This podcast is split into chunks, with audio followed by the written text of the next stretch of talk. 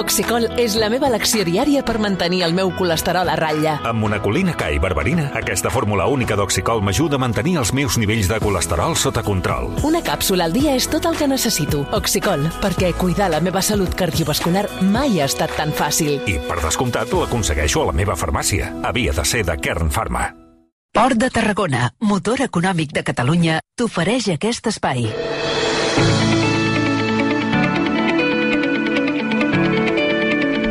10 minuts, arribarem a les 6 de la tarda. Després de la massacre perpetrada per l'exèrcit rus a la localitat de Butxa, la Comissió Europea ha presentat un nou paquet de sancions amb 5 mesures contra el govern de Vladimir Putin. Així ho ha anunciat la presidenta d'aquesta institució, Ursula von der Leyen. Imposarem una prohibició d'importació de carbó procedent de Rússia per un valor de 4.000 milions d'euros anuals. Això retallarà una altra font d'ingressos importants per Rússia. En segon lloc, prohibirem totes les transaccions amb quatre bancs russos clau, entre ells el BTB, el segon banc més gran de Rússia. Aquests quatre bancs, que ara estem desconnectant del mercat, representen el 23% de la quota de mercat del sector bancari rus. La comissió també vol prohibir que els vaixells russos accedeixin als ports de la Unió Europea i que els operadors de transport circulin per carreteres russes i bielorússies. També proposa vetar les exportacions d'ordinadors i microchips a Rússia, uns components molt necessaris per aquest país. I vol prohibir la participació d'empreses russes a la contractació pública a la Unió Europea i l'exclusió de tot suport financer als organismes públics russos. Saludem a aquesta hora en Xavier Sala i Martín, catedràtic d'Economia de la Universitat de Colúmbia, des d'aquesta universitat. Xavier, bona tarda. Hola, molt bona tarda. Com anem? Doncs eh, aquí, amb la sensació de, amb una sensació mm, des del, parlo per mi, eh, d'una gran impotència amb tot el que, amb tot el que estem veient. La, bé, la, la primera pregunta que li volia fer és què li semblen aquestes noves mesures que ara hauran d'aprovar els eh, 27? Serviran d'alguna cosa més del, del que ha servit fins ara? Bé, poca cosa més. Eh, el, poca cosa més del que ja hi havia, no? Eh, diguem, fixeu-vos que eh, la, Europa eh, deixa, ha dit que deixaran, no? que estan pensant en deixar de comprar carbó. Sí. Eh? Uh, les grans exportacions de Rússia són el petroli i el gas, i una mica menys el carbó, però sobretot el petroli i el gas, no?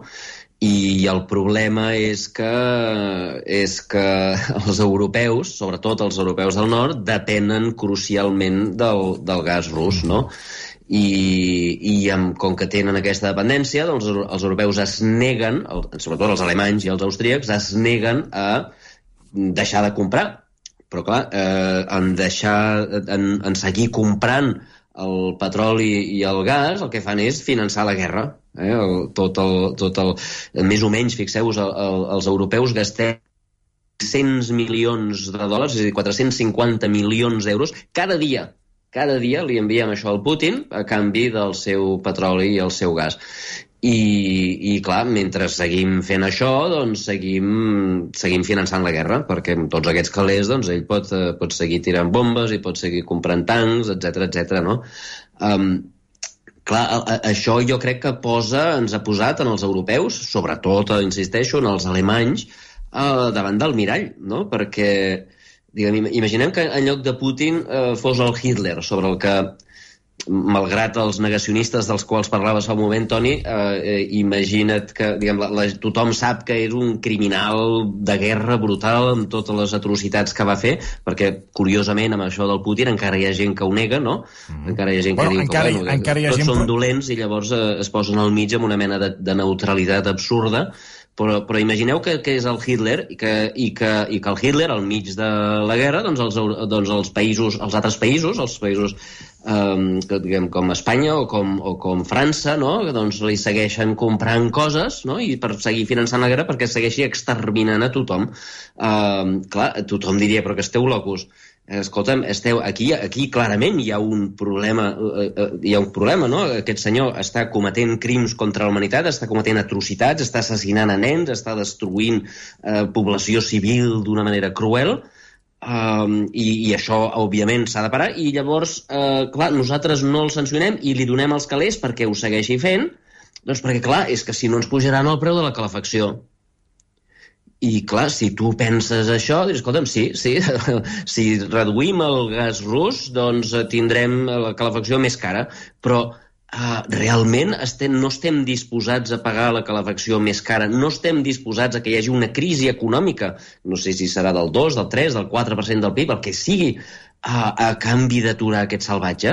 Uh, a mi em sembla que quan un es posa davant del mirall i es fa aquesta pregunta, doncs uh, si la resposta no és hem d'aturar el salvatge, doncs, escolta'm, la imatge que tens davant del mirall és bastant, bastant deficient, no? Mm.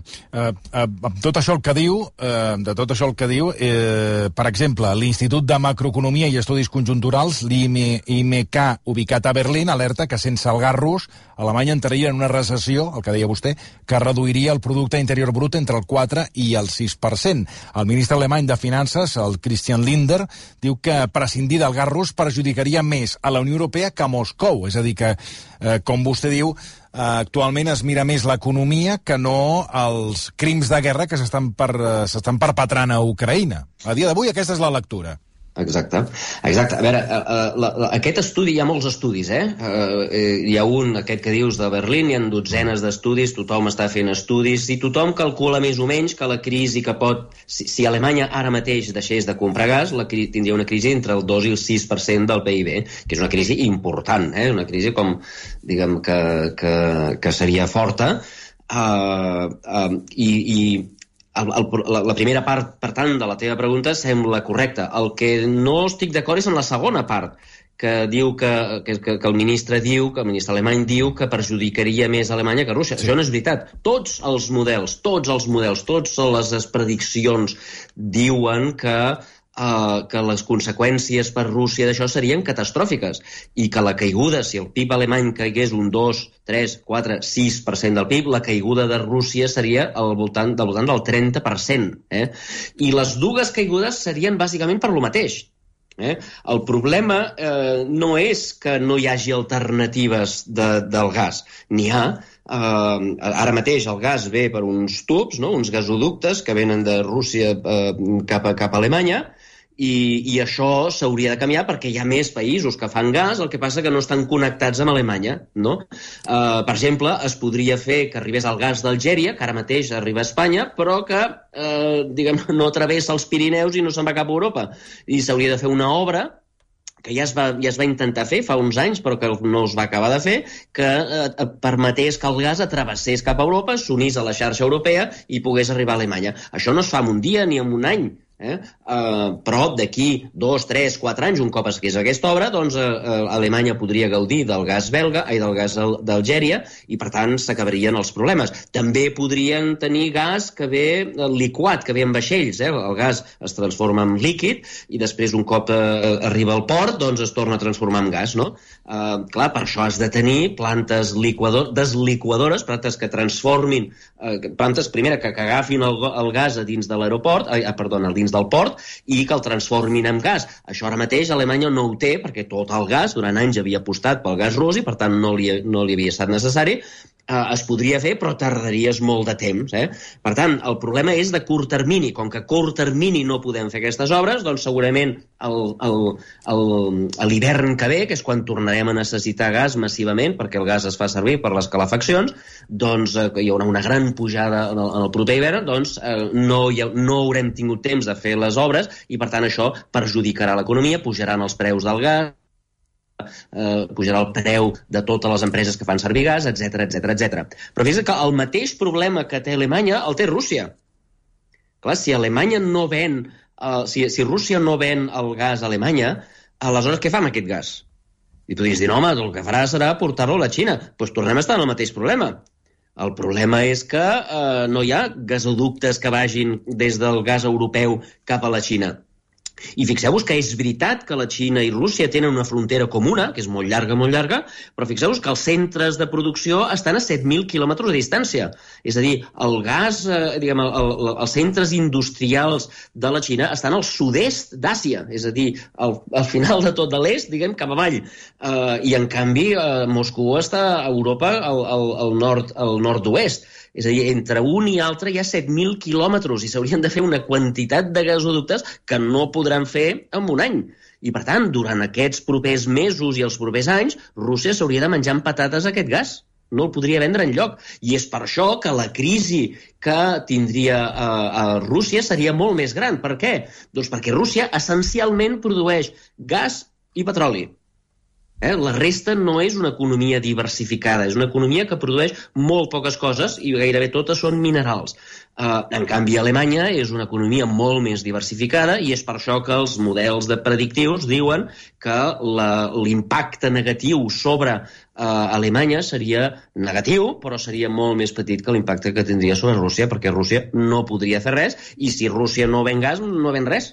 O sigui, només pot vendre gas i petroli i poca cosa més, i, i nines russes.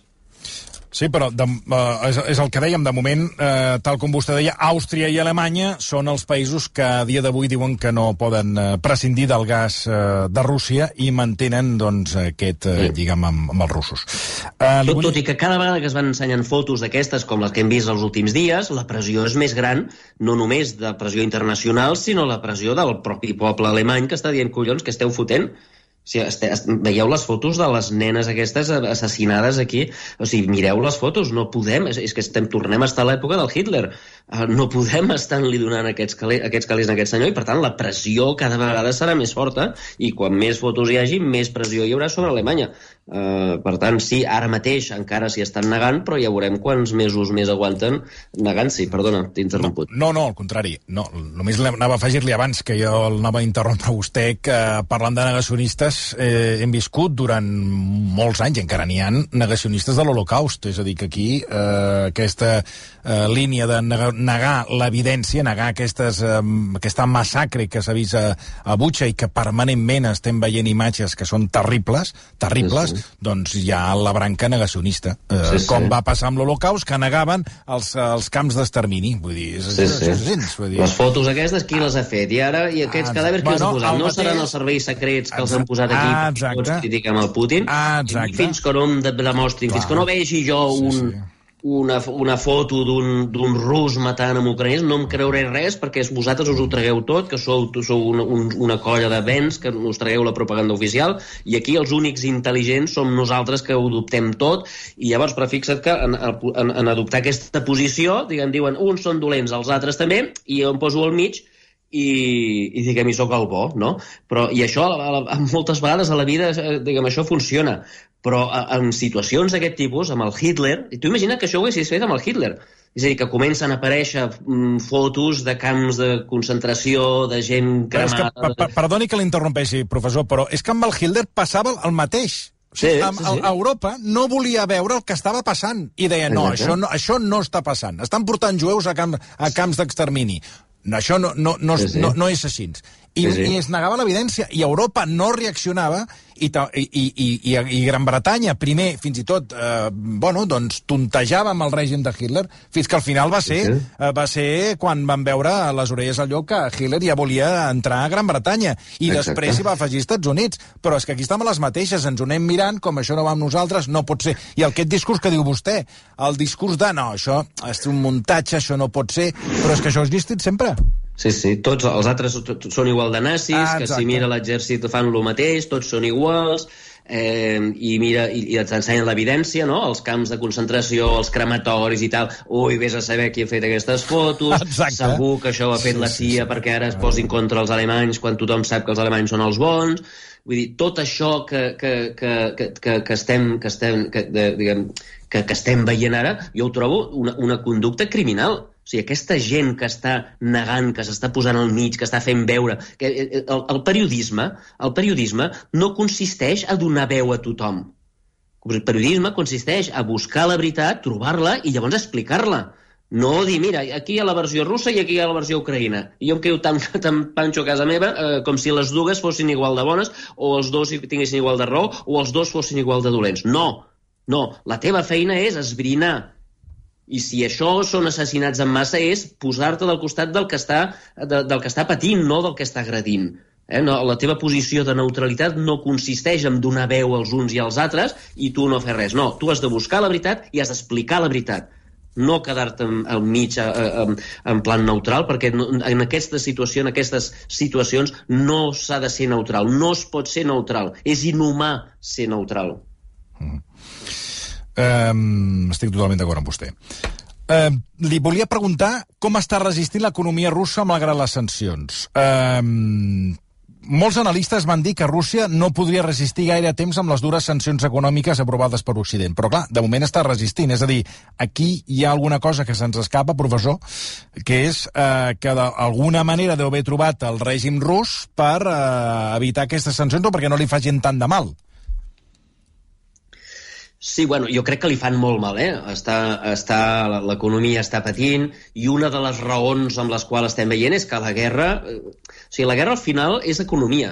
Eh? És a dir, uh, si tu no tens una economia forta i tens manera de portar els subministres d'un lloc a l'altre, si no tens el menjar, si no tens els recanvis de les rodes, si no tens les amunicions perquè no tens calés per comprar-los, al final això es reflecteix en el camp de batalla i una de les coses que hem vist és el desastre eh, organitzatiu que té, que té l'exèrcit rus eh, el, el, el, famós, el famós aquella cua de, de, de 65 quilòmetres de tancs la van vaporitzar eh, hi ha informes de tot tipus que demostren que estan mal organitzats que els propis, eh, els propis soldats doncs, tenen les racions caducades des de l'any 15 és a dir, que, que, que és un desastre que no tenen rodes de recanvi, que es queden enfangats perquè han comprat rodes barates de la Xina en lloc de comprar-les de veritat, etc etc etc. I a més, eh, el, aquí el, el, el govern rus ha fet una cosa que jo crec que des del punt de vista de la propaganda és, uh, és bona, eh, és una bona jugada, que és uh, una de les coses en la que tothom es va fixat va ser el preu del ruble. Eh? Uh mhm. -huh. I al principi de la guerra, brom, el preu del ruble va caure en picat. I tots vam veure la gràfica que queia que semblava una, una muntanya russa, millor, mai millor dit, diguem que anava, estava al punt de baix de tot. Però, a poc a poc, la, el ruble ha tornat a pujar i ara més o menys torna a estar al nivell de, que hi havia abans de la guerra més o menys el, el, el nivell que hi havia el 24-25 de febrer. Estem d'acord? Uh -huh. uh, I llavors tothom diu, mira, mira, mira, això vol dir que no funcionen les sancions, etc etc. Bé, això jo crec que el Putin ho fa com una eina propagandística perquè tothom, perquè li permet amb una sola dada, eh, el ruble no està tan baix com la gent es pensava, això vol dir que no va tan malament, però això és una mica no? De fet, és totalment fals. Per què? Com ha aconseguit que el ruble tornés a pujar? Primera, pujant els tipus d'interès. Eh? Els tipus d'interès ara mateix a Rússia són del 20%. Això vol dir que ha creat una crisi econòmica sense precedents, perquè, clar, qualsevol persona, qualsevol empresa que intent que necessiti demanar prestat per operar, doncs, òbviament, el 20% no pots fer-ho. Això és la primera cosa. I la segona és que ha prohibit treure diners del país. Ha fet una mena de corralito és a dir, que amb rubles no es poden comprar dòlars. I per la qual cosa el preu aquest, el tipus de canvi aquest, és un tipus de canvi fictici. No és un tipus de canvi que trobis en el mercat. Quan diem el tipus de canvi, el ruble puja i el ruble baixa, vol dir que la gent que compra i ven rubles, que compra i ven dòlars en els mercats de capitals normals i corrents, doncs mira, la gent que confia en les, en les activitats russes compra rubles i al comprar rubles augmenta la demanda de rubles i fa pujar el ruble. Eh? I per això quan el, el ruble puja, diem, ostres, la gent té confiança en l'economia russa perquè estan, estan comprant rubles i això vol dir que segurament estan invertint a Rússia i per tant confien en l'economia russa, etc etc. Aquest no és el cas, perquè no es pot comprar i vendre rubles. Està prohibit. Han introduït el que s'anomena controls de capitals. Per tant, no es pot comprar i vendre rubles i, per tant, qualsevol transacció que vulgui fer el govern doncs posa el preu que li dóna la gana. Però és un preu fictici. I aquí el govern ha jugat diguem, amb, amb, amb, la, amb, la, amb la imatge no? de dir, escolteu, el preu del ruble s'ha doncs, recuperat, per tant, fixeu-vos que no ens esteu fent mal. Uh, això jo crec que és fals i, a més, la manera com ho han fet perjudica enormement a l'economia, perquè, per primera, els tipus d'interès del 20% és enormement perjudicial per l'economia, però és que el fet de que tu no puguis transformar, si tu inverteixes, abans que parlàveu de porcelanosa, no? Sí. Si porcelanosa ara vendrà eh, no sé què ven, porcelanosa, porcelana, segurament, no? Rojal, doncs, eh, rajoles. Rajoles, doncs les rajoles que venguin a Rússia les cobraran rubles i llavors dirà, bueno, com nosotros somos españoles, pues hem de tornar els calés cap a Espanya. Ah, no pots. Està prohibit. Uh, I llavors, clar, les empreses aquestes al final hauran de marxar, diu, perquè a nosaltres no serveix de res guanyar rubles, perquè la nostra seu està a Espanya i el que necessitem és portar calés a Espanya perquè nosaltres tenim els accionistes d'Espanya i necessitem els calés a Espanya i, i, i, i per tant, el fet de que hi hagin posat aquestes barreres a la sortida de diners fa que les empreses que no han marxat no, no tardaran a marxar, perquè de què els hi serveix estar en un país on no pots treure els calés.